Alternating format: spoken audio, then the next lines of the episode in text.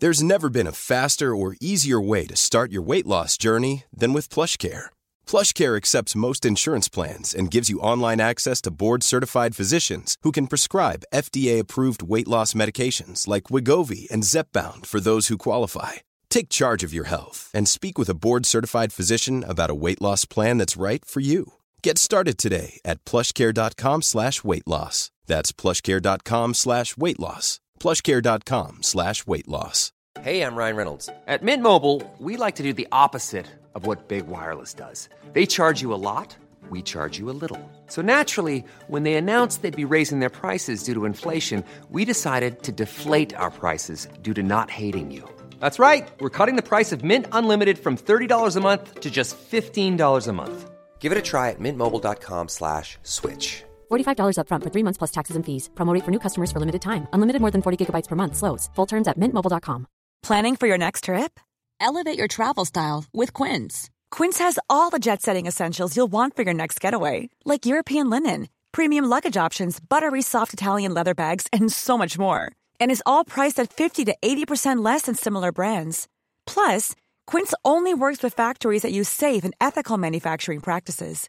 Pack your bags with high-quality essentials you'll be wearing for vacations to come with Quince. Go to quince.com slash pack for free shipping and 365-day returns.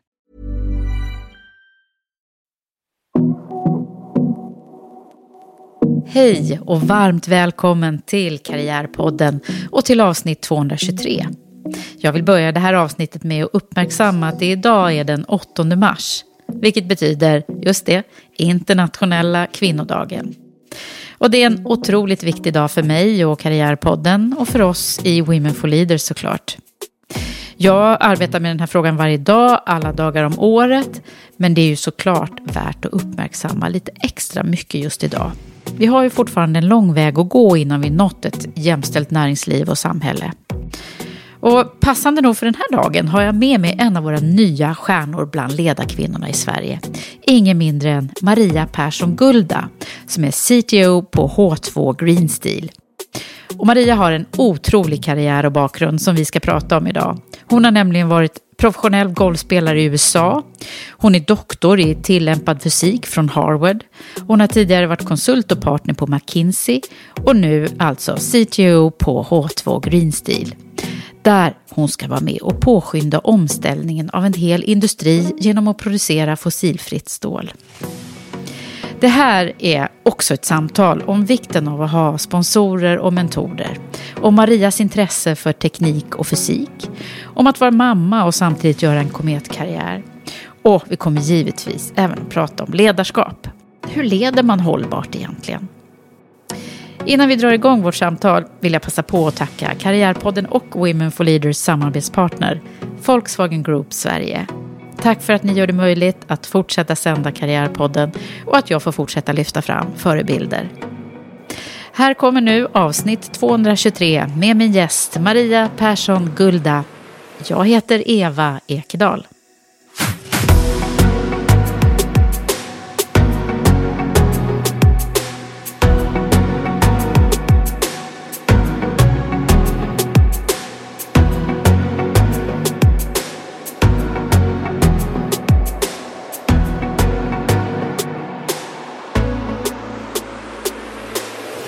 Maria Persson Gulda, välkommen till Karriärpodden. Tack så mycket, väldigt kul att vara här. Ja, och äntligen är det lite, för vi har ju haft det här på gång ett tag. Ja, det har vi faktiskt. Ja, ja och även om det inte är så att eh, du har varit jätte, liksom, etablerad i Sverige speciellt länge, och, utan det hände ju massa saker för dig för inte så länge sedan, när du liksom klev ut i rampljuset kan man väl säga.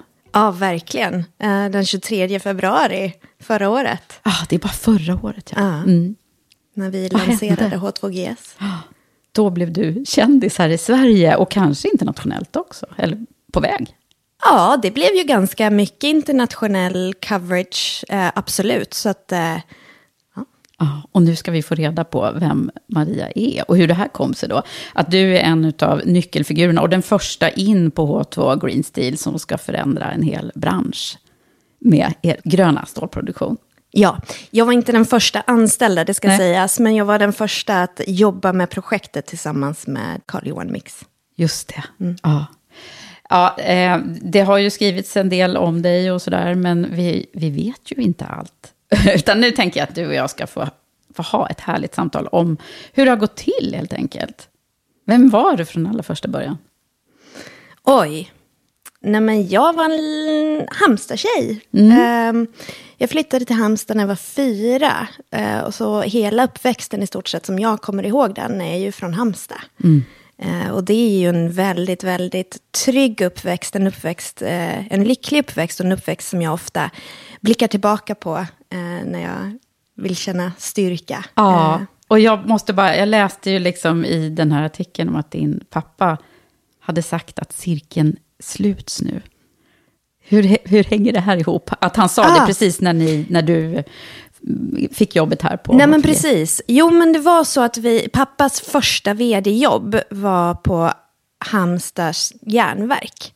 Eh, och det var därför vi flyttade från Helsingborg som var eh, familjens bostad till eh, eller plats till, eh, till Halmstad då, eh, när jag var fyra år gammal. Eh, och det började ju pappas vd-karriär, som sedan eh, tog av och han jobbade på Eldon och sen blev han också vd för Peab. Eh, bland andra företag. Men, men Så första han var en riktig var... vd-förebild då för dig? Ja, kan det säga. kan man verkligen säga. Mm. Mm. Mm. Men eh, okej, okay. och hur cirkeln ja. sluts, liksom, hur, hur hänger det ihop? Nej, men eh, Halmstad järnverk var ägt av Kinnevik och eh, det var ett av de sista eh, ja, järnverken så att säga som de hade, eller den brukbasen, eh, eh kulturen som de, som de hade i Kinnevik. Och det gick ju väldigt dåligt, det var därför pappa sattes som vd. Och sen när han hade jobbat där i tre eller fyra år så, så bestämde man för att sälja det. Eh, mm. Värdet hade gått upp eh, tio gånger tror jag. Ah, så det eh, gick så att, bra när han var där. Så att ja. Kinnevik sålde av eh, Halmstad järnverk och eh, genom eh, när då eh, Jan Stenbeck är vid livet. Och eh, sedan är det ju Kristina Stenbeck som har investerat i oss och ja. var med i lanseringen. Precis. Så därav cirkeln ja. är sluten. Ja, men verkligen. Men du, aha, så Halmstad-uppväxten, vad, vad, vad, vad hände där då med dig? Nej, men jag växte väl upp i eh, ett, eh, ett samhälle där eh, med eh, en, en stark mamma och en stark pappa. Eh, väldigt envisa. Eh, drog inte alltid åt samma håll, givet är också därför jag har två stycken efternamn. De kunde aldrig komma överens om vilket efternamn de skulle ha när de gifte sig. Men, okay. men det fanns också en väldigt, väldigt stor styrka i deras relation. Och i det sättet de skapade en kärnfamilj. En, en fantastisk trygghet. Men sen också eh, alltså själva skolan och när vi började första klass. Många av dem som började första klass är idag fortfarande några av mina absolut finaste vänner. Mm. Och även om jag har gjort en eh, lång resa utomlands och, och eh, eh, inte alltid varit nära så, så är det eh, en trygghet att alltid ha dem där. Så jag förknippar Halmstad mycket med, med ja, kärnan utav mig. Ja, där, back to the roots helt ja, enkelt. lite så. Ja, men vad hände då? För du flög ju iväg. Ja, men så var det. Så var det. Eh, Halmstad är ju också en av eh, våra golfstäder. Det finns väldigt många golfbanor ja, per det. capita. Eh, och, Tylösand, fint. Ja, mm. och det var den jag tillhörde. Eh, och eh, golfen gick ju bättre och bättre. Och eh, då fanns det en möjlighet att åka över till USA och, ha eh, golfstipendium. och där tänkte jag att det skulle bli mitt sabbatsår. Aha, du skulle bara vara där ett ja, år? Mm. och sen mm. var tanken att jag skulle eh, plugga på Chalmers. Eh, det var i stort sett liksom redan planerat och klart, teknisk fysik. Eh, men det första året var lite för kul. Det var slitigt, men eh, eh, slitigt från ett perspektiv att du är 19 år gammal, du tror att du kan allt och att du är väldigt eh, självständig, men, men i grund och botten så är du nog egentligen inte det. Eh, och komma till en ny kultur och, och eh, med all vad det innebär också pressen att prestera på golfbanan och, och det är ändå mycket pengar som ligger till grund i att du är där, uh som någon har betalat för att, för att du ska prestera för skolan. Och, men, men allt är paketerat i amerikanarna som jag tycker är helt fantastiska vad det gäller att bygga individer. Och jag kände ju att jag växte enormt det året, inte bara i skolan. Jag läste teknisk fysik även där och det var en väldigt stark skola på, på fysik. Men framför allt på golfbanan. Eh, ja. Och kände att jag kunde inte... Jag, Så det här kunde inte deras träningsmetodik, eller liksom eh, hur, Ja. hur du, ditt självförtroende... Ja, men dels träningen. Du, du, du ska träna eh, liksom per kontraktet 20 timmar i veckan, men det blir ju mer. Eh, som du gör vid sidan av skolan. Eh, och sen så är det 11-12 golftävlingar om, om, om året. Eh, så du reser runt hela USA och, och spelar. Men jag skulle säga att det är framförallt människorna där runt omkring som, som lyfter dig. Eh, är Hur gör de då? Det där är ju, det måste vi prata om. Det kanske vi behö, skulle behöva ha lite mer av här, eller hur? Att lyfta individer, Ja. ja. men det tror jag faktiskt. Det är någonting vi skulle kunna anamma från den amerikanska kulturen ganska mycket. Öppna dörrar och bygga självförtroende, absolut. För Eh, det, menar du att du liksom, det hände mycket med ditt självförtroende där? Ja, men det gjorde det. Eh, speciellt så var det faktiskt en av de andra eh, tjejerna i lagets pappa. Som ofta var med ute på golftävlingarna. Den här tjejen var jätteduktig, hon var senior. När jag var då eh, freshman som det heter första året. Eh, och han tog mig åt sidan en gång och så tittar han mig rakt i ögonen och så säger han. Men Maria, du ska ju bli golfproffs. Han såg att du hade den här Oj, oj. talangen. Ja, och jag, du vet, jag såg på honom som ett stort frågetecken. Det har aldrig jag tänkt. Jag tänkte att golfen skulle ta mig till USA och att jag skulle finslipa engelskan lite och så liksom skulle jag hem igen. Eh, men men han, den retoriken och, och liksom det, att göra det först och främst, men också liksom att eh, stå där och, och lyfta mig och, och Mm, vad coolt Ja. alltså.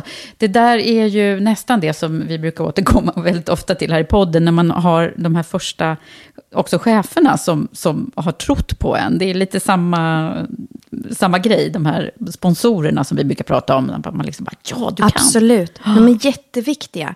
Och de har nog präglat mig hela resan, skulle jag vilja säga. Ja, du har haft Från några fler, men det där var till- ändå en, Ja. en, ur golfperspektivet då en viktig. Verkligen. Ja. Verkligen viktig. Så du började tänka då att det kanske är så, att det är det jag ska bli? Eller vad hände? Ja, nej men absolut. Det var väl då det satte igång. Att, eh, nej men, det här är för stor möjlighet för mig att åka hem. Det här är först och främst väldigt, väldigt kul. Eh, men också en enorm möjlighet. Så att det vart eh, PGA, eller vad heter det nu då? PGA-touren? Heter det så? Ja, LPGA för tjejer. Ja, ladies.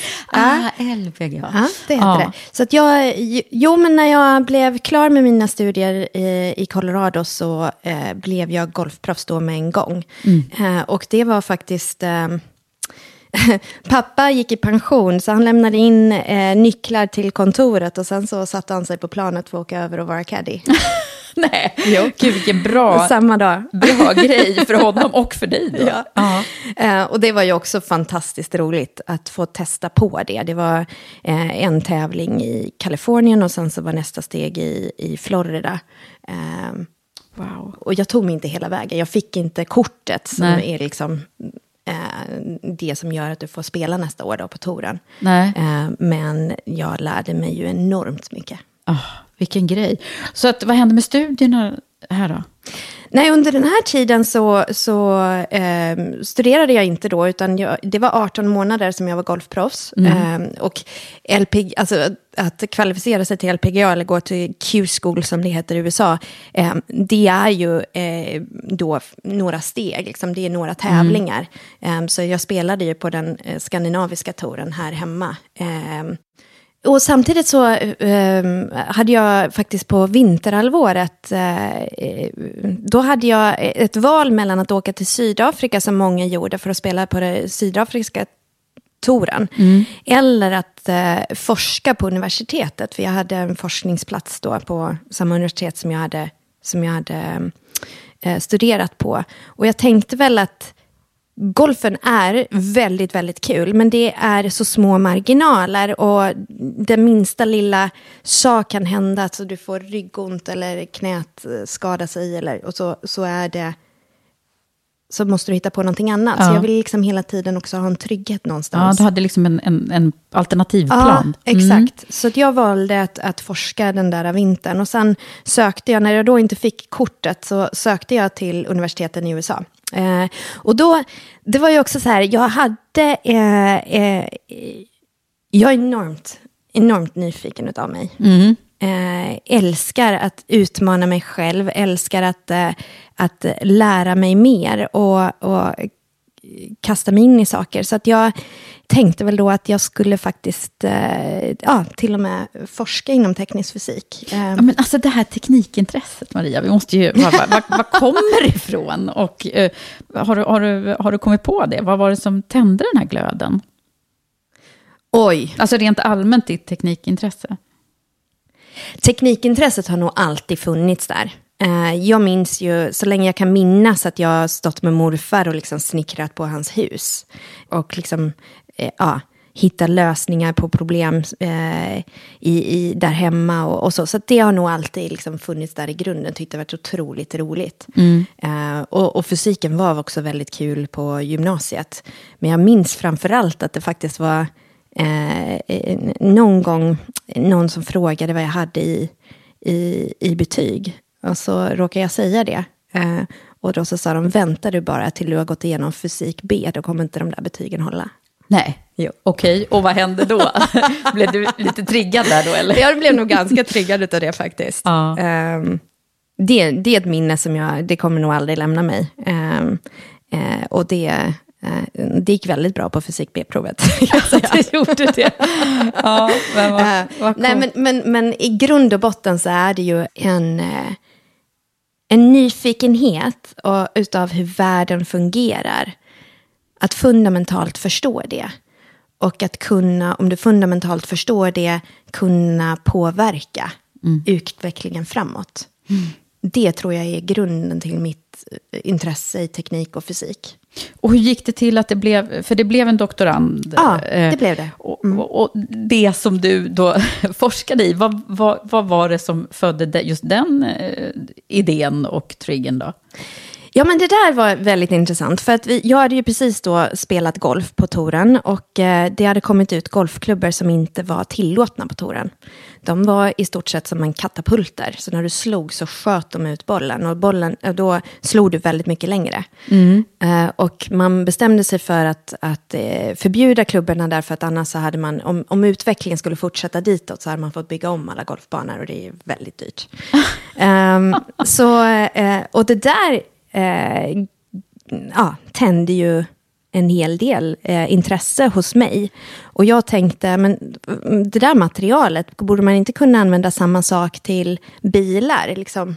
Som Eh, var i själva stål... eh, Ja, som var liksom. i, i själva klubban. Skulle man inte kunna liksom göra någonting med det så att när du kraschar en bil att den bucklar ut igen?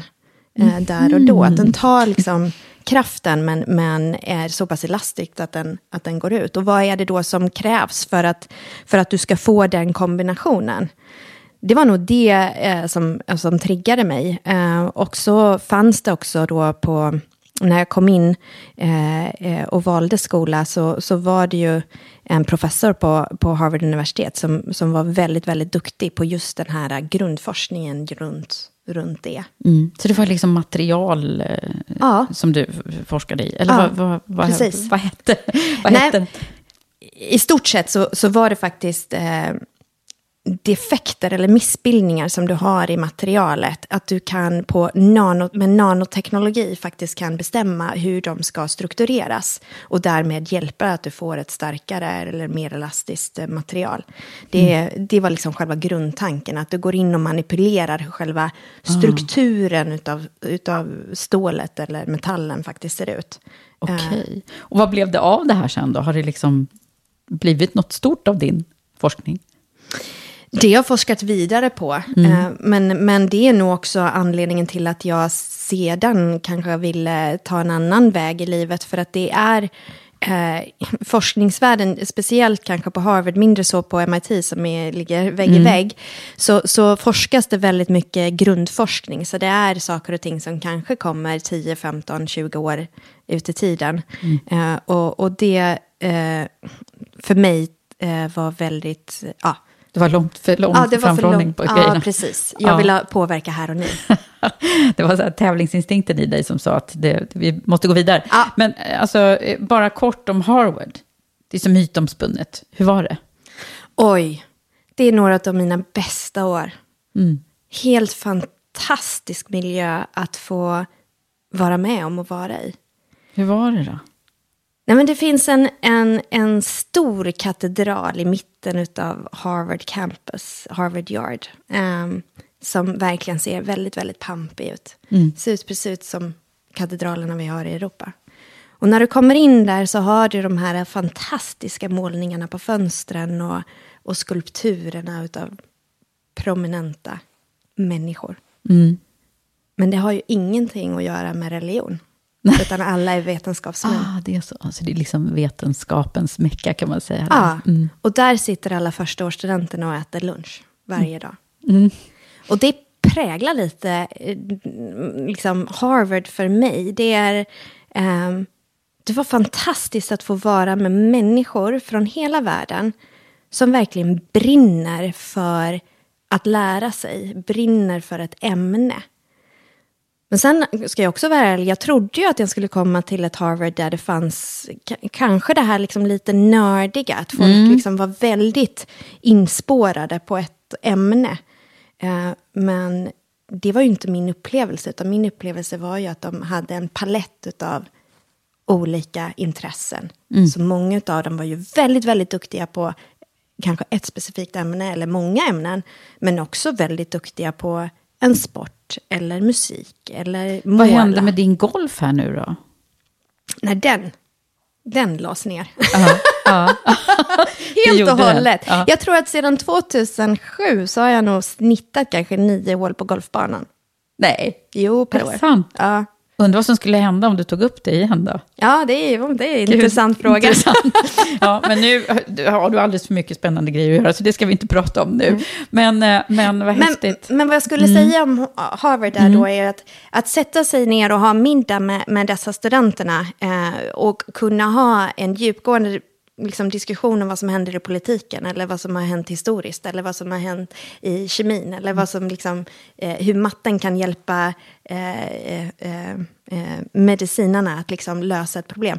Det var ju, det var ju, en, alltså, det var ju så inspirerande. Mm, så många smarta hjärnor som var där. Ja, men inte bara det. Mm. Ödmjuka människor också. Och Människor som verkligen hade intresse för att, eh, för att diskutera och lära och, och eh, driva, driva eh, ja, sakfrågor framåt. Nej, det var väldigt Men, kul. men det där tycker jag är ganska intressant, eh, det du säger, för man kanske har någon bild av den här liksom nördigheten som du kanske själv trodde också då. Men då, då låter det som att det var fler nyfikna människor där. För att om man är nyfiken så, blir, så kan det ju bli sådana här intressanta diskussioner och Ja. samtal. Och det var det du, du upplevde alltså? Ja, absolut. Ja. Absolut, så var det. Vad härligt. Men du, vad hände sen då? Eh, Jag vet ju, eftersom jag har läst ditt CV, men Mm. det, det, det, det blev ju en konsultfirma direkt sen, va? Eller? Ja, jag var 30 när jag var klar med min PhD på Harvard och jag kände väl att även om jag älskade universitetslivet så, så fick det nog vara nog. Eh, jag eh, eh, suktade efter att eh, fortsätta att liksom lösa problem, men att göra det tillsammans med folk. Eh, kanske mindre eh, som forskare då när du jobbar väldigt individuellt eh, under en längre tid på, en min, på eh, olika frågor som, som eh, liksom under en längre tid. Så vill jag ha mer påverkan och göra det eh, tillsammans. Och då fanns det väl olika alternativ eh, att gå. Så som jag tänkte, alltså, stora traineeprogram för PhD-studenter finns det runt om i världen. Tyskland är väldigt duktiga på det, de har många eh, doktorander. Men sen så är det ju också konsultfirmorna där som kan ge en väldigt bred plattform. Eh, för att jag hade ju inte läst, jag hade en minor som det heter från, från college i, i ekonomi. Men annars Ja. hade jag inte läst någonting. Nej. Jag hade också tagit en, en kurs faktiskt på Harvard Business School. Men, men det, var, det var det jag hade i bagaget. Jag hade ju... Du hade ju eh, nördat in jobbat. lite på Nej, tekniken. Mm. och aldrig, och aldrig jobbat om man då inte räknar golfkarriären. Mm. Eh, utan jag hade ju spenderat alla mina somrar på golfbanan. Ja. Så att jag kände att jag behövde eh, ja, en trygg bas att stå på innan jag tog nästa steg in i industrin. Det var Mm. väl det faktiskt som tanken var. Mm, det var ju ganska smart tänkt. Eh, och McKinsey blev det då. Mhm, det blev det. Mm, det är också lite mytomspunnet kanske. Ja. Eller det är mytomspunnet. Men, men vi har ju våra idéer om vad vi tror hur det är på McKinsey. Men, men berätta, hur var dina, dina år? För det blev ju ganska många år. Ja, men det blev ju det. Det var ju tanken, återigen, att jag bara skulle vara där ett eller två år. Ja. Det är alltid tanken. Blir det lite Nej, det blir aldrig som man tänker sig. Ehm, första året var ju extremt kämpigt. Eh, jag landar på Manhattan eh, eh, och eh, eh, i ett, liksom McKinseys största kontor i världen. Tror jag faktiskt att det fortsatt var då. Och eh, jag kommer in som associate och det betyder också att jag kommer in på samma nivå som MBA-studenterna eh, i USA. Så här har du en teknisk fysiker som ska lösa problem med, eh, med eh, en vältalad amerikansk MBA-student som kan ja, eh, koka soppa på en spik, brukar Ja. jag säga ibland. Men, men medan jag då inte ville yttra mig eh, förrän jag var säker på femte decimalen att, att eh, en siffra eller ett, ett, ett resonemang var korrekt. Så jag hade ju en jätteresa att göra. Ehm, dels liksom det här med kommunikationen, att inte börja med siffrorna utan börja top-down. Ja. Eh, eh, att se lite mera helikopter. Eh, vyn, eh, resonemanget, liksom hur det här passar i, i helheten. Och att kunna föra mig och diskutera med våra klienter. Det är ju, det är ju högt uppsatta klienter i, i många fall. Mm, Hur gick det då? Nej, men första året var, det var ett väldigt kämpigt år. Eh, det var det. Och eh, eh, återigen, du, du nämnde det tidigare eh, med hur viktiga människor är. Alltså, Det som har präglat mig, eh, tror jag, genom hela... em, I allt det jag har gjort, det är ju att det är människor som har hjälpt mig att växa och komma framåt. Eh, Jag minns specifikt ett projekt där jag kämpade som bara den. Jag hade en engagement manager, som det då heter, som gav mig uppgifter och varje gång jag levererade så kastade hon det i papperskorgen och sa försök igen. Nej. Eh, Oh. Mm. Och eh, det var inte så himla mycket mera guidance än så på vad hon faktiskt ville ha. Så att jag Det testade var igen. bara inte tillräckligt bra liksom? Nej, utan- det var inte Nej. alls vad hon hade tänkt sig. Och Nej. jag testar igen och det tar mig lång tid och, och så levererar jag igen och, och så kastas det igen i papperskorgen. Och efter, alltså det krävs inte så himla länge. Det kanske bara krävs en fyra, fem veckor att du håller på sådär. Och sen så håller du kanske egentligen på att gå in i väggen. Eh, för det är så, du vill så mycket. Du vill eh, verkligen leverera i detta högpresterande miljö. Eh, men du vet inte Vad hur. hände med ditt självförtroende här nu då? Det som hade varit så bra där. På. Ja, nej, men det, det gick ju fullständigt i botten. Ah. Fullständigt i botten. Jag, jag tyckte inte jag var värd någonting. Eh, och, och det här självförtroendet, det finns väl, alltså det finns både en, en väldigt, ett väldigt starkt självförtroende i många situationer och en trygghet i mig själv. Eh, när jag verkligen har bestämt mig vad jag tycker och, och, och kör. Men det finns ju också många tillfällen i, i mitt liv där jag inte eh, är så självsäker. Eh, och det här var ju ett av de tillfällena. Jag, det, jag höll ju på att förstöra det totalt. Förstöra mig som individ totalt med mina Ja, egna vad, tankar. vad hände då? Nej, men det som då händer är att eh, alla de här kontoren har ju eh, dörrar och väggar som är utav glas. Och jag ser en av partnerserna på eh, New York-kontoret då som cirkulerar utan, som jag har jobbat med innan, som cirkulerar utanför vårat teamroom lite då och då. Bara alltså, så här, men oj vad han har börjat Gå runt här. gå runt här. Ja. Ehm, och sen så en dag då när jag sitter i rummet alldeles själv så sticker han in huvudet och så tittar han mig rakt i ögonen och så säger han Maria, hur mår du? Så han såg att du mådde dåligt. Åh, vilken bra människa. Du har haft några Verkligen. bra män här, så här låter det som. som Verkligen. har, men jag har haft bra kvinnor också. Ja. Men, Så det är inte vare sig man eller kvinna. Men, men, men det är verkligen människor som har, som har, hjälpt, Ja. har hjälpt mig. ja. Och det han gjorde då, det var att eh, nästa dag så satt jag på ett annat projekt.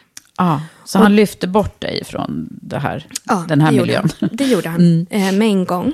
Och det kommunicerades ut på, kommun- eh, på kontoret att eh, det var ett nytt stort projekt på gång. Man behövde en teknisk kunnig som kunde förstå kem- kemikaliska formler. Eh, och eh, bygga eh, en, ja, en, en, eh, en värderingsmodell utav eh, liksom det här företagets produkter och förstå hur mycket är företaget faktiskt värt. Eh, och det där var ju som att sätta mig som handen i handsken. Ja, men verkligen.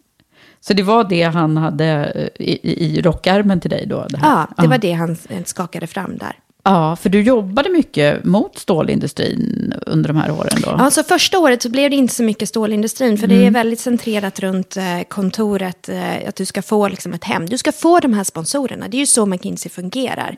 Att du ska ju ha, du ska ju ha eh, de här um, sponsorer och mentorer som hjälper dig längs med vägen. Så där har de ju liksom verkligen lyckats. Eh, i, I det här tillfället så, så var det ju precis det avgörande, annars hade jag ju slutat. Ja. Mina föräldrar var ju faktiskt, eh, hade ju kommit över, de insåg ju också hur Ja, de ville ta dig därifrån typ? De ville ta mig därifrån.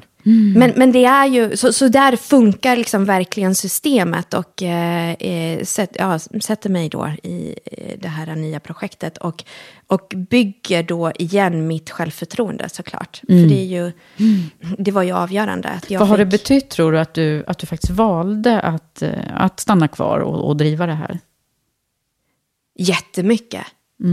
Att, jag, att, jag fick, att jag inte lämnade det första året där och då, utan att jag fick folk runt omkring mig som såg min potential, att den kanske inte riktigt funkade där och då i det projektet, men att det fanns möjligheter att, att ha användning av mig i, i ett I annat sammanhang. sammanhang. Och, och bygga på mina styrkor eh, eh, och, och få upp mitt självförtroende för att bli en, en solid konsult. Ja, men det, det är absolut avgörande. Annars så tror jag att jag, nej, det hade inte varit samma resa, inte överhuvudtaget. Nej, nej det är såna här avgörande grejer som Ja. brukar komma upp när man sitter här och reflekterar Ja. över sin, sin karriär. Men, Men sen det, var det ju också väldigt svårt. Alltså det här är, med sponsorer, det är ju, det är ju eh, människor som, som, som hjälper dig längs med vägen. Och du frågade här om, om, om stålet. För första året så var det ju inte det. Men sen när jag väl hade eh, liksom gett Eh, när jag väl hade byggt den här plattformen som, som du behöver, vi kallar det för the toolkit, men när du väl liksom har byggt den, då är det dags för dig att, att eh, eh, bestämma vad är det du vill göra eh, på, på firman. Vad är det du brinner för? Vad är din pension? Ehm, och, och då var det ju för mig stålindustrin och basindustrin. Så att då var det dags för mig att, att lämna den partnern, eller det då, partnergruppen liksom. som verkligen hade liksom byggt mig. Och det är ju också ett svårt samtal egentligen att ha. mm, för du trivdes ju bra där. Jag då. trivdes väldigt bra där. Men, men skulle jag stanna på McKinsey, vilket då efter ett år eh, kändes som att det ska jag ju verkligen göra. Det här var ju faktiskt väldigt, väldigt kul när jag väl har förstått hur det funkar och, och byggt, byggt en bra grund att stå på. Ehm, då behöver det vara inom, inom det området jag är passionerad. Ja, precis. Och du byggde liksom vidare egentligen på, på det du hade utbildat dig inom och doktorerat. Mm. Ja.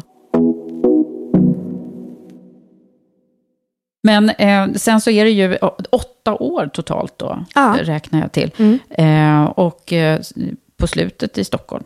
Ja, så var det. Vad var det som fick dig flytta hem då? Det vill man ju veta. Ja, nej men det är en bra fråga. Så USA-resan var 14 år till slut. Det skulle bli ett år blev 14. ja. Så kan det gå. Ja, så kan det gå. Um, när inte haspen är på, höll jag på att säga. Men det är lite så faktiskt. Att, eh, ja. Var det kärleken som var, eh, också gjorde att du blev länge i USA? Eller hur gick det där till? Nej, jag träffade min man i New York. Det gjorde jag.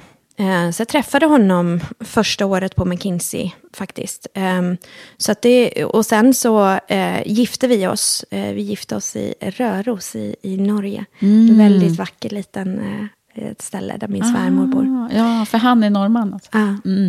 Eh, och sen då så, eh, ja men det var 14 år i USA.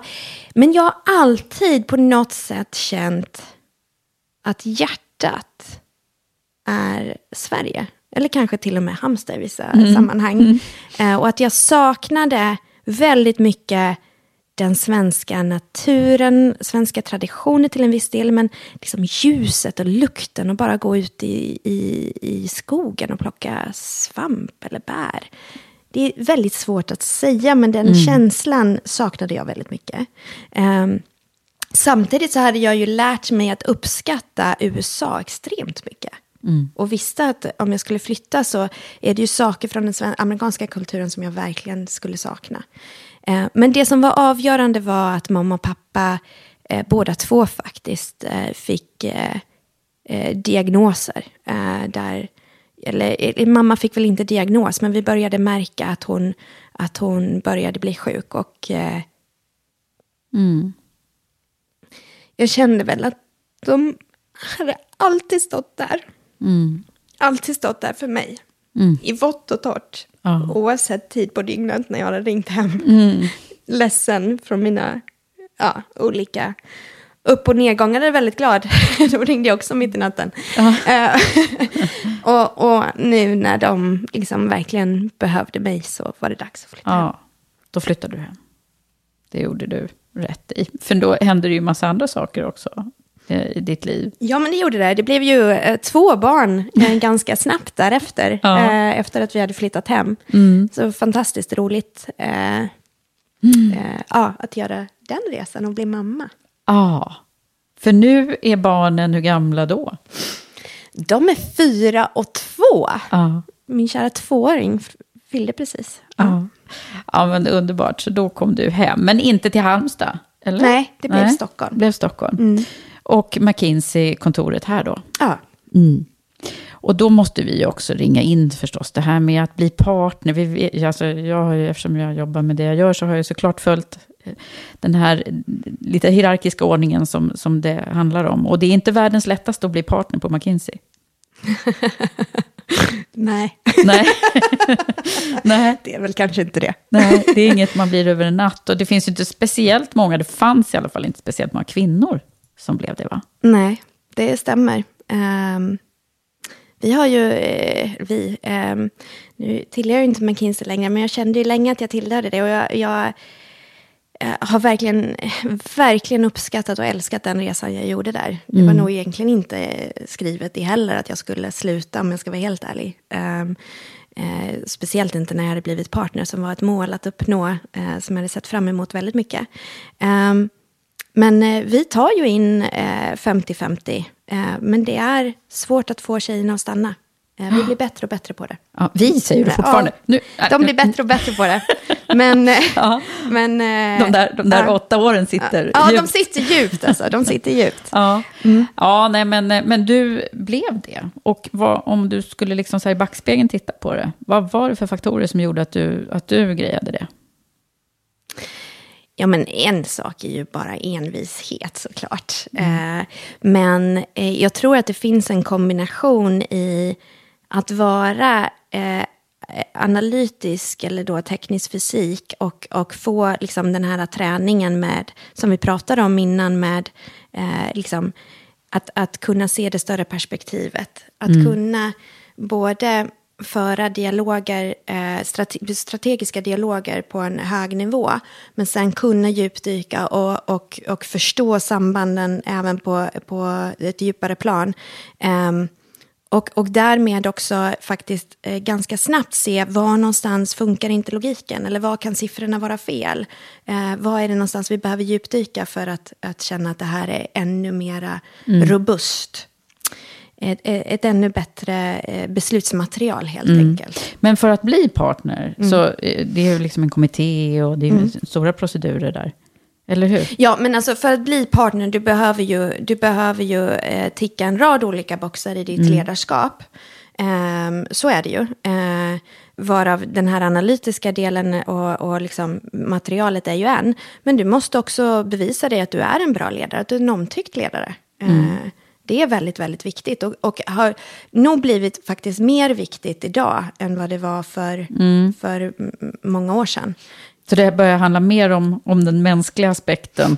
eh, Absolut, än- ja. Mm. absolut. Men den tar jag lite för givet. Men vi kanske kommer in på ledarskap sen. Men för mig är det otroligt viktigt att, eh, att eh, lyfta individer i, i ditt ledarskap. Det det är ju så jag har gjort resan. Mm. Jag har gjort resan genom att andra har lyft mig. Det är viktigt för mig att ge tillbaka Ja, och lyfta andra. precis. Och det är väl it också en- forward, precis som vi pratar om hela tiden i Women for Leaders. Ja, mm, Ja, men verkligen.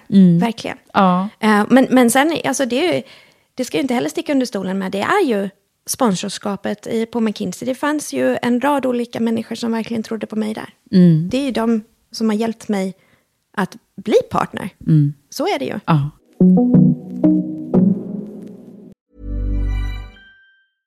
Hey, I'm Ryan Reynolds. At Mint Mobile, we like to do the opposite of what Big Wireless does. They charge you a lot, we charge you a little. So naturally, when they announced they'd be raising their prices due to inflation, we decided to deflate our prices due to not hating you. That's right. We're cutting the price of Mint Unlimited from $30 a month to just $15 a month. Give it a try at mintmobile.com slash switch. $45 upfront for three months plus taxes and fees. Promo rate for new customers for limited time. Unlimited more than 40 gigabytes per month. Slows. Full terms at mintmobile.com. Hiring for your small business? If you're not looking for professionals on LinkedIn, you're looking in the wrong place. That's like looking for your car keys in a fish tank.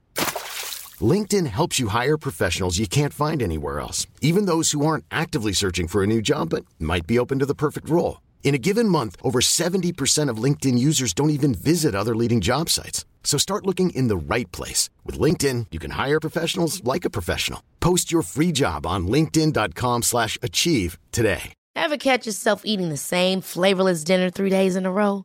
Dreaming of something better? Well, HelloFresh is your guilt-free dream come true, baby. It's me, Kiki Palmer. Let's wake up those taste buds with hot, juicy pecan-crusted chicken or garlic butter shrimp scampi. Mm. Hello Fresh. Stop dreaming of all the delicious possibilities and dig in at HelloFresh.com. Let's get this dinner party started. Hey, it's Ryan Reynolds, and I'm here with Keith, co star of my upcoming film, If, only in theaters, May 17th. Do you want to tell people the big news? All right, I'll do it. Sign up now and you'll get unlimited for $15 a month in six months of Paramount Plus Essential Plan on us. Mintmobile.com slash switch. Upfront payment of $45 equivalent to $15 per month. Unlimited over 40 gigabytes per month. Face lower speeds. Videos at 480p. Active Mint customers by 531.24 get six months of Paramount Plus Essential Plan. Auto renews after six months. Offer ends May 31st, 2024. Separate Paramount Plus registration required. Terms and conditions apply if rated PG. Wow. Nice. Yeah. What you're hearing are the sounds of people everywhere putting on Bombas socks, underwear, and t-shirts made from absurdly soft materials that feel like plush clouds. Yeah, that plush. And the best part? For every item you purchase, Bombas donates another to someone facing homelessness. Bombas. Big comfort for everyone. Go to bombas.com slash ACAST and use code ACAST for 20% off your first purchase. That's bombas.com slash ACAST. Code ACAST.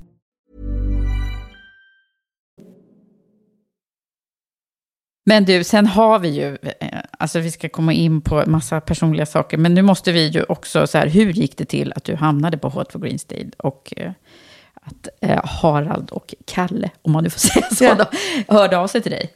Ja, det här är ju... Eh, vi hade jobbat tillsammans tidigare på ett litet projekt. Eh, det hade vi. Men Harald, Harald ringer eh, ja, i, i februari. Eh, någon gång runt sportlovet 2020. Eh, och då har han idén att han ska tillverka storskaligt grönt stål. Eh, han och Kalle. I, eh, i norra Sverige. Ehm, och så fanns det inte så mycket mer än så. Nej, men kände du någon av dem tid, sen tidigare? Jag hade jobbat med dem båda två på ett projekt sedan just tidigare. det, så de hade koll på dig. Här Det- har vi Ja, men sen, En- sen tror jag också att... eh, Harvard-doktor som kan de här prylarna som vi... Ja, Ja, men ja, absolut. Mm. Eh, Men sen tror jag också att mitt namn kom upp eh, i di- dialoger när de försökte få fram en, en person som, som har kunskap inom stålindustrin. Mm. Eh, Och då dök mitt namn upp och då ringde Harald. och vad, vad tänkte du då? då? Nej, men först och främst, alltså det här samtalet är ju ett underbart samtal som han och jag har. För att vi går ju direkt in i problemlösning. Okej. Och det, det präglar lite eh, relationen som jag och, och Harald har. Eh, eh, så att vi går ju direkt in i problemlösningsmode. Och jag, jag radar ju upp en massa saker. Som, har, du tänkt på, har du tänkt på kraften? Har du tänkt på eh, ja, logistiken? Har du tänkt på... Hur ska det gå med elen? Ja, hur ska det gå med elen? Hur ska du få liksom, pellets till att göra det här? Um, vad, vad är bakom tekniken?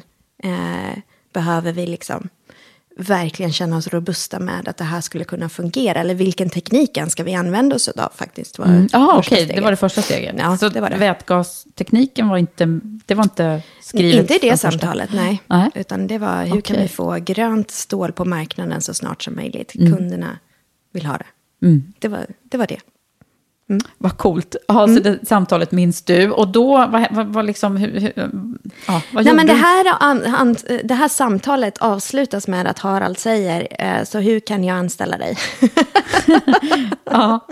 Du bara, jag är konsult. Nej, men det var faktiskt inte det jag Nej. sa där och då, utan jag hade ju faktiskt precis eh, fött våran son. Mm. Och så fram emot en lång, härlig svensk mammaledighet.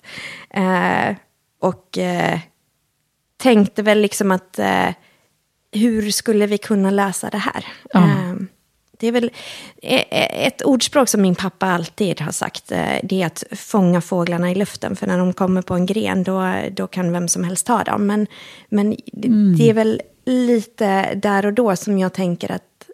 Och också, jag tror att det också är, är, är en del av mig. Det, det, finns egentligen inga hinder, det finns bara möjligheter. Problem går att lösa. Så att, eh, vi bollar väl där och då, eh, liksom, hur skulle vi kunna få det här på plats, givet vad Vargas behövde och vad jag, eh, min liksom, personliga situation. Och landar väl i att ja, men jag, eh, vi, kan, vi kan fixa det privat så att jag jobbar två dagar i veckan här i början. Så får vi se vart det, vart det leder. Eh, och, men då gör jag det som konsult för att givet den situationen också eh, så, så vill jag ju inte hoppa på det här med en gång. Och sen också så, så trivdes jag ju väldigt bra på McKinsey. Eh, Ja. och, och kände mig inte redo där och då att, att hoppa eller ta steget. Nej. Men sen gjorde du det. Vad Mm. var det som ändå fick dig att, liksom gå in helhjärtat i det här som du nu är? Men allt som har med H2GS att göra måste jag säga. Ehm, så många parametrar. Ehm, men givetvis att vi eh, ska tillverka grönt stål. Alltså vi ska, vi ska förändra en hel industri. Vi ska göra eh, liksom, alltså en ny industrirevolution. Ja, men det är ju verkligen det. Ja, och det tycker jag är jättehäftigt. Och för mig så är det på flera parametrar. Det är ju en parameter med, med att vi ska minska CO2-utsläppen som är absolut eh, liksom den stora drivkraften bakom. Men också att vi ska på ett väldigt miljösmart sätt kunna cirkulera mycket av de biprodukter som finns i stålindustrin idag. Och ha användning av dem på ett helt annat sätt. Så det är hållbarhet i, i flera dimensioner. Ja, men sen också digitaliseringen. För jag hade ju jobbat eh, genom McKinsey då väldigt mycket med digitaliseringsstrategi. För både stålindustrin och pappersindustrin och processindustri generellt. Och kände ju att det fanns ett enormt värde ifall vi faktiskt gör det rätt. Eller om vi har möjligheten att faktiskt designa om det. För stålverk idag är ju hundra år gamla. Ja, men verkligen. Då fanns inte Nej. art- artificial intelligensmodeller. Liksom. Nej. Det fanns inte de verktygen som det finns idag. Men samtidigt så är det ju en industri där, jag tror att det är industrin där du har absolut mest data i, i, i hela världen. En av dem. Och, och där mycket faktiskt i produktionen går på lång erfarenhet och magkänsla för att få fram de rätta kvaliteterna. Så kan du hitta varför den där magkänslan nu liksom tickar in genom datan så har du ju kommit väldigt, väldigt långt.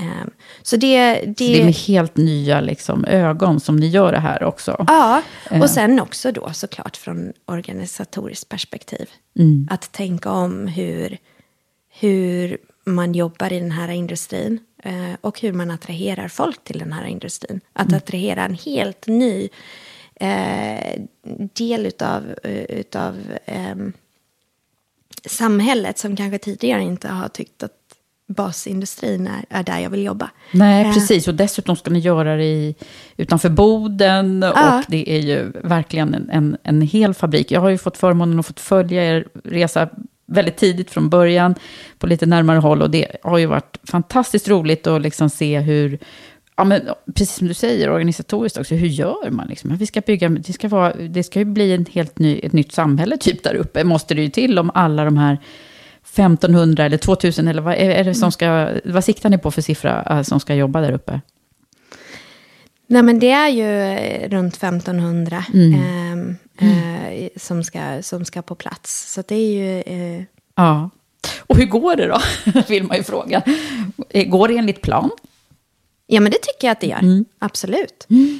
Vi har ju många delar kvar. Just nu är vi i finansieringsfasen eh, för att få den på plats. Och, och, vi har lämnat in tillståndet. Så det är ju mycket eh, i kompletteringsfasen som pågår just nu. Mm. Eh, ja, det är så många olika. Jag menar, ni som kom in tidigt, ni kommer ju se så många olika skepnader. Och era roller förändras över tid Absolut. också. Jag menar, ditt team kommer ju växa eh, enormt. Absolut. Hur, hur är det, alltså det här är ju ganska intressant när man tittar på din karriär, liksom, doktor från Harvard, McKinsey och sen det här nu, där du liksom ska bygga en fabrik och en organisation från början. Vad, vad har varit liksom annorlunda? Men i och med att jag gjorde det här i ett år eh, liksom, gen, som konsult genom McKinsey så var det ju, projektledning är ju inte så annorlunda Eh, vare sig det är här eller, eller ett annat projekt. Det är, ju, det är ju i grund och botten detsamma. Eh, men det som har varit kanske annorlunda är ju hur investerad jag har känt i den här idén från början. Mm. Eh, jag har verkligen brunnit för den. Jag tycker den är fantastisk att få vara med och, och förändra. Mm. Eh, det blir liksom din baby också på ja, något sätt. Ja, verkligen. Och du fick med. inte bara en, en riktig Nej. baby. Utan Nej, jag brukar, ibland brukar jag säga att jag fick tvillingar i februari förra 2020. Ja. Uh, mm. men, men så är det ju faktiskt. Um, och uh, att få vara med och förverkliga någonting, inte bara från idéstadiet, men, men hela vägen till exekvering, det, det är ju annorlunda. Mm. Och det är ju väldigt, väldigt häftigt. Mm. Och få se Men vad som händer. För det, det kan jag uppleva som ju är konsult, fast i ett annat, ja. ett annat sammanhang. Verkligen. Men, men eh, där är det ju också så, man är inne ett tag och så blir man jättenära. Och sen så, så är man ju liksom utanför igen. Ja.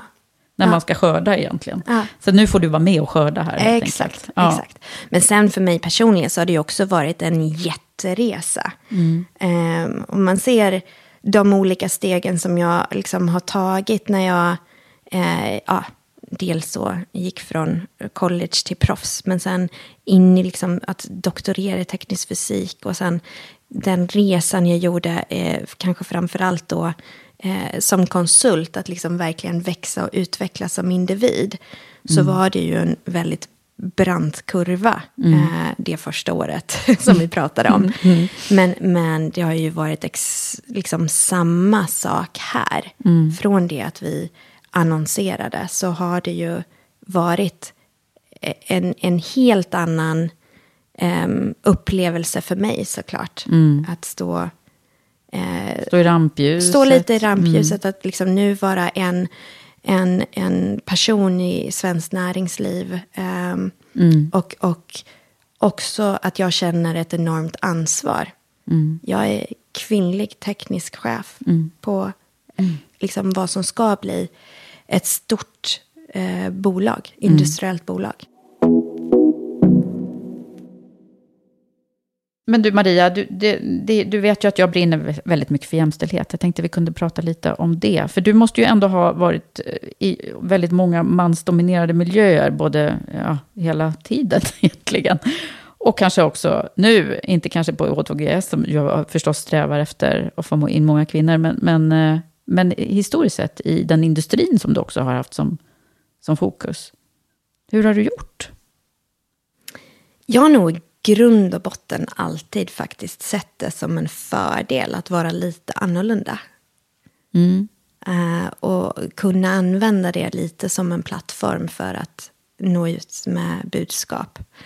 Uh, men det är självklart att det finns normer som är ganska tydliga ibland. Um, och där man måste ha en verktygslåda för att kunna nå ut och bli hörd och sedd. Mm. Vad har din verktygslåda bestått av då? Men sitter man i ett rum med män, jag tror att du, du först och främst så får du, eh, eller jag har alltid känt en trygghet i att förr eller senare så kommer jag kunna påverka det här mötet. Om jag bara får ordet. Um, så att lyssna in vad folk faktiskt säger och sen bygga på det. Mm. Um, men det kan ibland vara svårt att, att få gehör eh, eller att ens få en plattform till att, att faktiskt prata. Och då eh, brukar jag faktiskt bara resa mig och gå upp på, mot, mot eh, presentationen eller mot eh, en whiteboard, en whiteboard och liksom ta det, lite kommando. Det är konsultgrejen. Ja, Den faktiskt. Mm. faktiskt. Men hörni, lyssna här. Mm. Vad jag hör är X, Y och Z. Och eh, då skulle man ju kunna dra parallellerna att det är så här. Mm. Um, för att liksom få alla att fokusera på... Eh, på uppgiften? På, ja, på uppgiften eller på, på det jag vill ha sagt. Eller dit Mm. jag vill föra dialogen. Um, Men har du känt att du har varit eh, liksom, tvungen att vara mer påläst än andra, eller? Absolut. Mm. Jag har nog alltid känt att jag eh, är i grund och botten att man underskattar lite min närvaro för att sedan eh, uppskatta eh, det jag har att tillföra i dialogen. Mm. Men jag vet inte om jag ser det som en jättestor nackdel. Eh, Nej. Men, men, men det... Mm. Du ska få också en fråga här nu från min samarbetspartner som ju är Volkswagen Group Sverige. Det passar ju bra, det är ju liksom bilindustrin som ni ska supporta. Eh, Och de pratar väldigt mycket om hållbarhet och hållbart ledarskap. Så att de skickar med en fråga varje gång till min gäst som just handlar om vad, vad du ser som hållbart ledarskap och vad det, vad liksom, vad det betyder för dig. Men hållbart ledarskap för mig, det utgår ifrån eh, individen som du leder. Ehm, det är att ge tillbaka lite av det som jag har, har fått från olika delar i, i min karriär så här långt. Eh, utav sponsorer och, och ledare. Ehm, att, att bygga individen från, från eh, eller gruppen, från dess eh, förutsättningar. Att bygga på styrkorna och, och, och ge verktygen till att de ska upp, uppnå sin fulla potential. Ehm, det är också hållbart ledarskap att, att våga ta in eh, eh, folk att jobba med som inte tänker likadant som du. Mm, Så att du det. blir utmanad. Att du får en transparent dialog. Eh, och att du tar in åsikter och information från flera källor innan du formar en, en väg att gå. Mm. Eller ett beslut. Ehm, Så att eh, vara Men- lyhörd och, och lyssna på dem då. Mm. absolut. Lyhördhet tror jag är jätteviktigt. Att läsa mellan raderna tror jag också är jätteviktigt. Men att också verifiera att, att den känslan du har är faktiskt är rätt. Att det går åt rätt håll. när man lägger ut hela din så här, karriärresa som vi har gjort här lite nu, så, så är det ju, ja, det, jag kan ju gissa liksom vad, vad du har haft för toppar och dalar, det som jag brukar prata om ganska ofta här. Men, men vad säger du, vad är det för någonting som eh, har varit de absoluta höjdpunkterna om vi börjar där? en av höjdpunkterna som, som ehm, har präglat mig mycket och som jag är väldigt, väldigt stolt över. Det är nog sista året på eh, college faktiskt. Okej. Så jag eh, eh, har då under en längre period, kanske då redan som sophomore, faktiskt eh, bestämt mig för att, att det här golflaget ska verkligen få lov att uppnå sin egen potential Men det handlar också om, precis som vi pratar om, att möta individen och se de förutsättningar den personen har. Och, och bygga den personens självförtroende där och då. Och sista året så, så eh, blev jag eh, lagets kapten. Och då kände jag ännu mer det ansvaret. Ehm, och eh, jag gjorde en rad olika saker under liksom, mitt kaptenskap som jag är väldigt, väldigt stolt över. Ehm, bland annat så eh, satte jag upp regelbundna fika, svenskt ord. Ja, du fikar med, dem. med Ja. vardera utav dem. Och även om vi var, vi var bara fem stycken som fick tävla varje gång och det roterade lite, men vi var elva stycken i laget. Så vi var ett stort lag och det var många som faktiskt aldrig fick vara med ute på en tävling. Men de var precis lika värdefulla som de som tävlade. För att vi skulle lyfta varandra tillsammans. Ehm, så att jag hade fika med var och en och liksom mm, kollade in hur det, hur det gick och med skola och med det privata och med golfen och vad de ville uppnå. Ehm, sen så införde jag faktiskt någonting som var, var väldigt svenskt på den tiden men som de inte hade i USA. Det var ett handikappkort för närspelet. Så det fanns liksom vissa övningar där man kunde hela tiden försöka bli bättre. Men du tävlade mot dig själv i, i liksom hur mycket bättre du kunde bli. Så det körde vi ganska mycket på, på träningarna. Och sen ehm, åter det här igen med, med transparensen. Att vi eh, efter, liksom hade, efter varje tävling eh, kommunicerade ut till hela teamet liksom, hur det hade gått och känslan och, Ja. och vad, hur vägen såg ut framåt till nästa. Eh, tillsammans med coachen då. Ja. Det var ju liksom verkligen hennes uppgift. Men hjälpa henne lite där eh, att få ut det.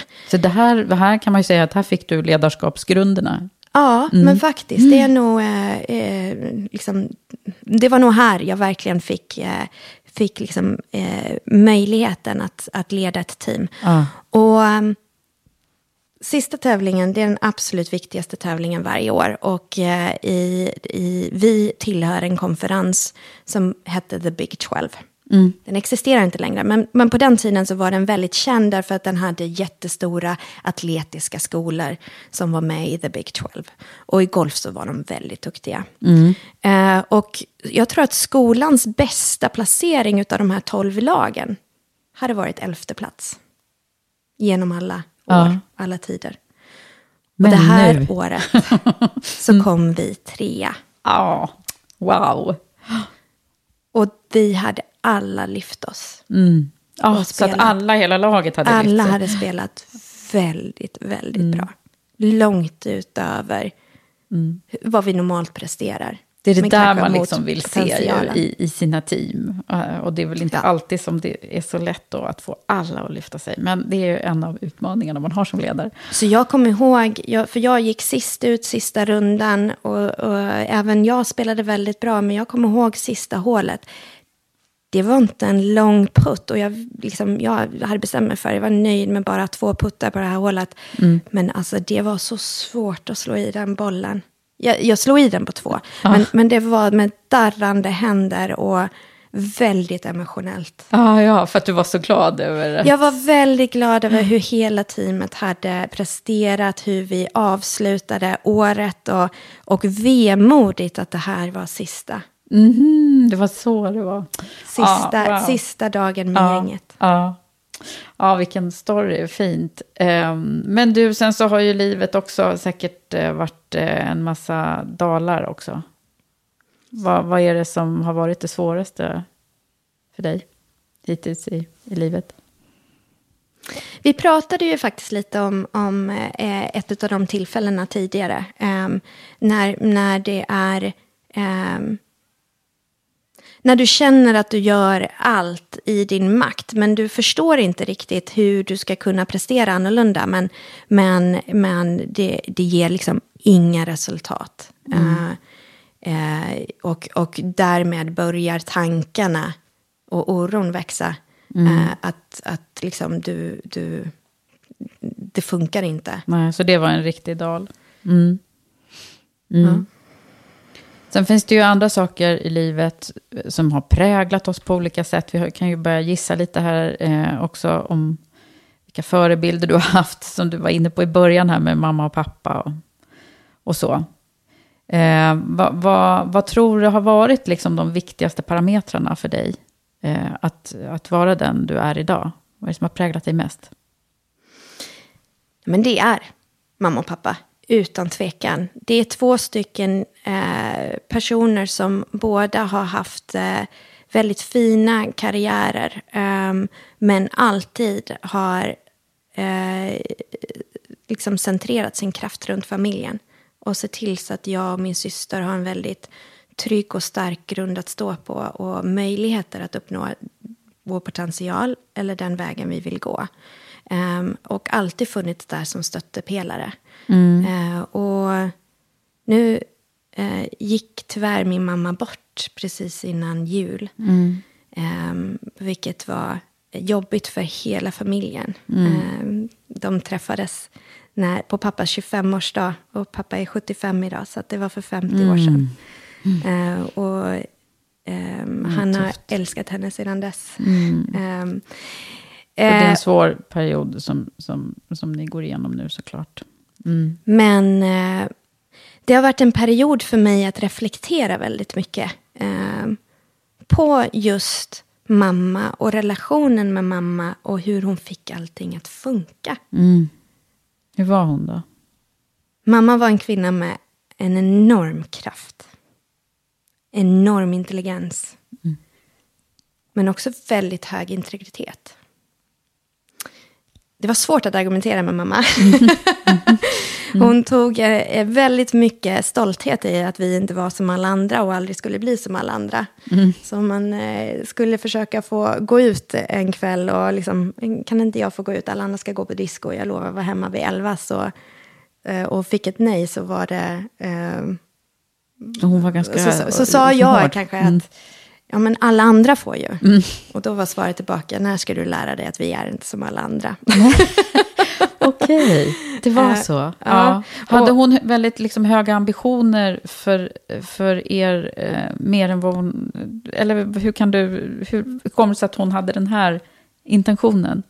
Nej, sen ska inte jag säga att jag var så hårt hållen och aldrig fick gå ut, för det, det fick jag ju. Men mm. eh, i, liksom, i de här argumentationerna kunde det vara godis, liksom, ja, ja. så var det samma, samma, samma svar. Ifall, men det var viktigt för henne att utmana normen. Det var viktigt för henne att bara för att alla andra gör så, eh, eller att samhället fungerar så, så betyder inte det att det är det rätta. Man måste bilda sig sin egen uppfattning. Mm. Och tror man på någonting annat, då ska man gå efter det. Och skapa förändring. Det var mm. viktigt för mamma. Okej, okay, så hon hade liksom väldigt eh, stark egen eh, kompass kan man säga. Ja, men det var viktigt för pappa också. Så det, där mm. mappar de Men han var vd och, och, och, på olika ställen då. Och vad gjorde hon då? Ja, men mamma var auktoriserad revisor på Ernst Young eh, och, och, var det för några av de största bankerna i Sverige, även Finansinspektionen. Så att hon jobbade ju eh, jättemycket, eh, hon med. Mm. Eh, men det var alltid hon som hämtade oss på dagis. Vi blev hämtade 6.30, så därav också, vi är mm. inte som alla andra. Mm. Eh, för vi var alltid sist på dagis. Um, och eh, eh, alltså jag minns ju att jag var hemma vid åtta års ålder och och var väldigt självständig, lagade mat och allting. Eh, men flippsidan till det var varenda helg, varenda semester så var det fokus på mig och min syster. Eh, vi skulle göra saker och ting tillsammans som en familj. Eh, det var våra aktiviteter som var viktiga och de stod där på sidolinjen mm. och hejade på. Eh, och om det var någonting som hände, om jag var ledsen för att någon hade varit elak i skolan eller ifall eh, eller jag bröt armen eh, en gång och, och eh, låg på sjukhus i en vecka Mamma var där 24-7. Mm. Ehm, eller mamma och pappa turade sig faktiskt om att vara där. Men, Men det de, var de såg till hon, att de alltid var hon där. Hon släppte när det var... Mm. Släppte hon allt. Mm. Det finns ett annat exempel på detta nu när mamma har gått bort, som vi pratade väldigt mycket om i familjen. Att hon har ju också betytt en otrolig styrka för pappa. För pappa bytte jobb varje gång. Han, han tog... Han, han fick ett jobb för att han var väldigt duktig på att vända ett bolag. Mm. Det var det han var känd för. Så han fick ett jobb när, när bolaget inte gick bra. Och sen så skulle han vända det. Mm. Men det betyder ju också att när det väl hade vänt, att det var dags att hitta nästa. Eller att det var dags att nå- för någon annan att ta över. Och det finns ett tillfälle där, eh, där pappa ringer mamma och är väldigt ledsen över att eh, nu var resan slut. Nu var det dags för, För nästa. för nästa att ta över. Ehm, eller för, för ägaren faktiskt att ta över vd-posten. Och eh, mamma packar ihop alla sina saker på jobbet. Hon jobbar hela tiden i Helsingborg. Det är ändå nästan en timme till Halmstad. Kör hem, hämtar upp mig och min syster på dagis. Åker hem, packar väskor, stuvar in allting i bilen. När pappa då har kommit hem, som, som jobbar ännu längre bort, så, Så är allting klart. klart. Sätt dig i bilen, säger hon till min pappa. Och så åker vi till Danmark. Och jag minns det här väldigt väl, för det var då vi fick se Legoland. Så det var ju fantastiskt. Ja. Men för pappa, när han behövde familjen som mest, att kunna landa med familjen nära och få möjligheten att liksom verkligen prata om det där och då. Att hon liksom bara släppte allting bara för att fokusera Ja, på familjen. Så att hon var verkligen... Det, det var en sån styrka Mm. hos henne. Som jag, nu när jag själv har barn, Mm. ofta reflekterar över och tänker på.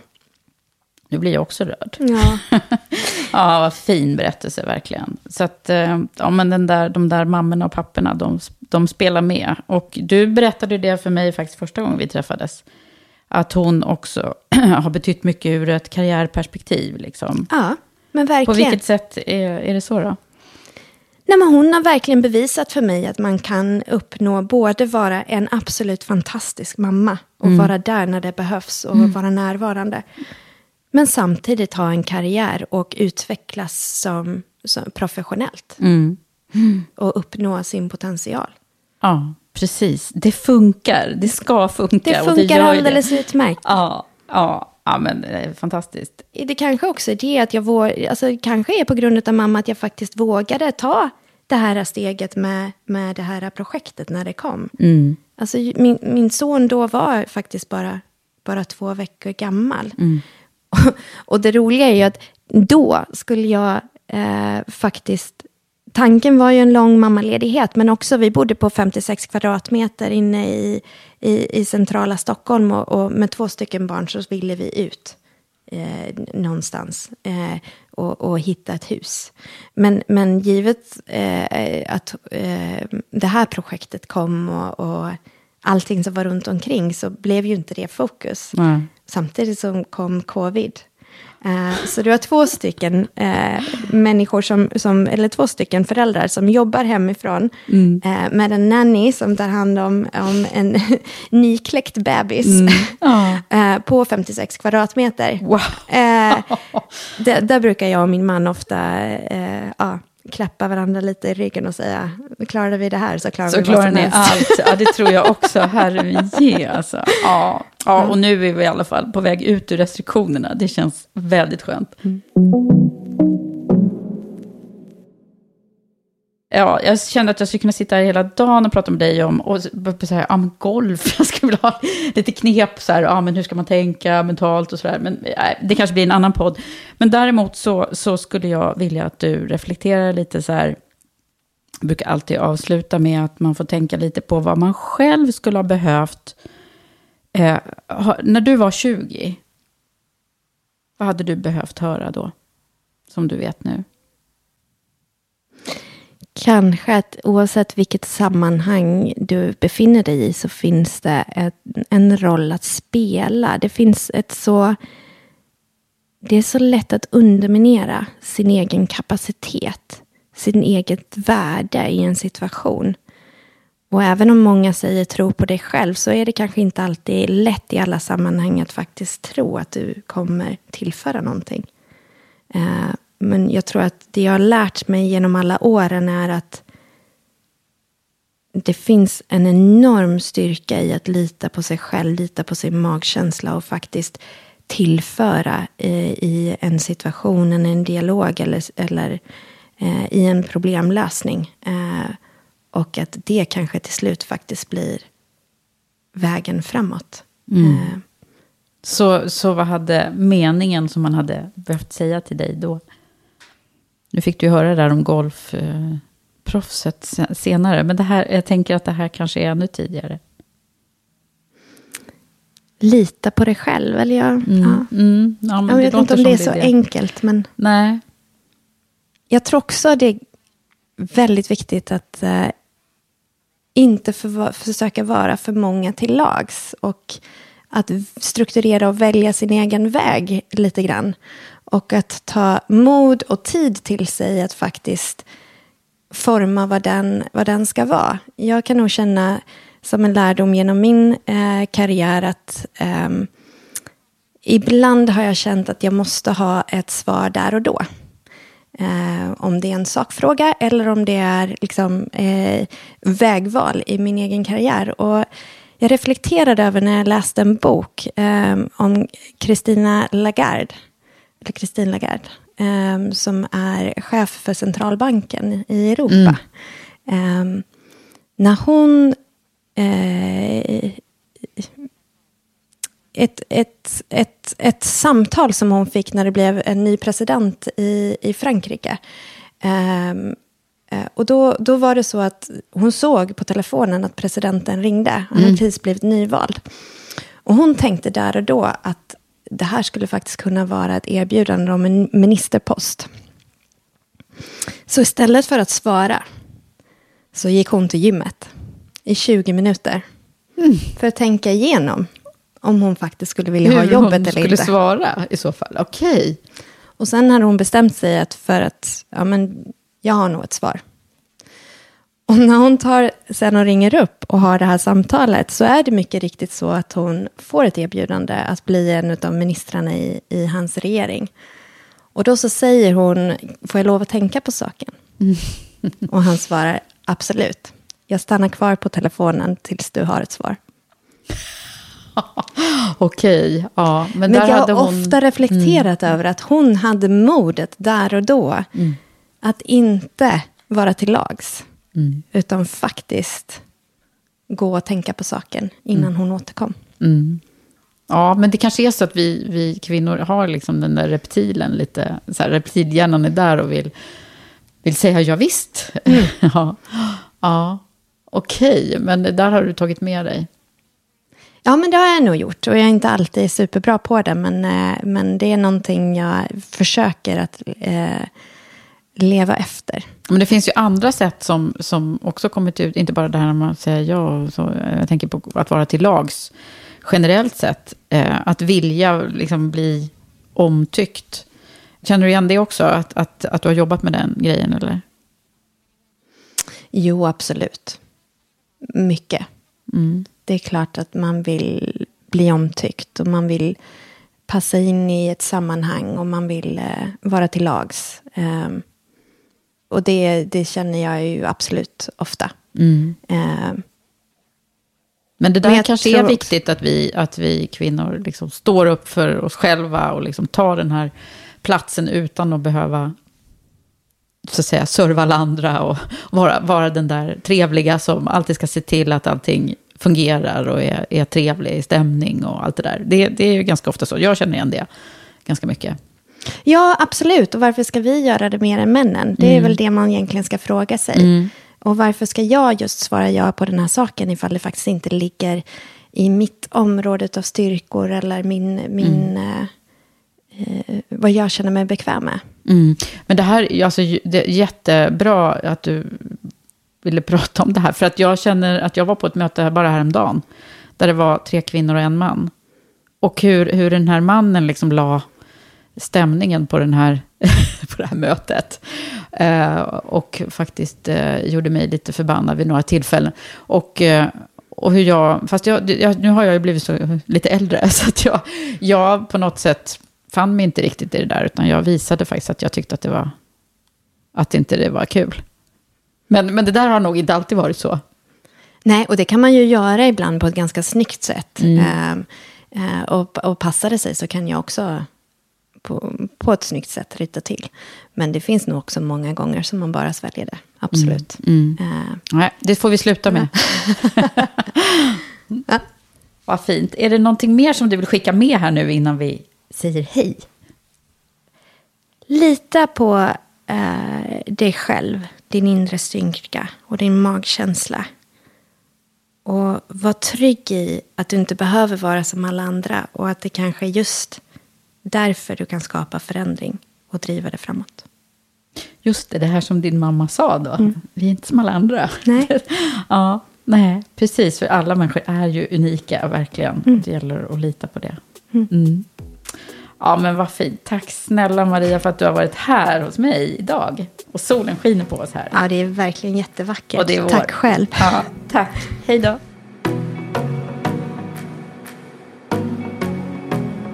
Hoppas att du gillade det här avsnittet.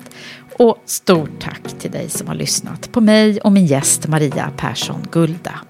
Och kanske blev du också inspirerad och vill passa på att uppmärksamma en kvinna som inspirerar och sprider kunskap om jämställdhet idag på internationella kvinnodagen. Glöm nu heller inte att följa Karriärpodden och Women for Leaders i sociala medier. Stjärnmarkera gärna podden i podcasterappen och dela avsnittet om du gillade det. Det gör mig verkligen så tacksam och glad. Jag kan också berätta att vi precis håller på att öppna upp för ansökningar inför höstens programstart av Women for Leaders Premium Leadership Program. Du kan läsa mer och ansöka på vår hemsida womenforleaders.com. Det var allt från mig och Karriärpodden den här gången. Vi hörs snart igen.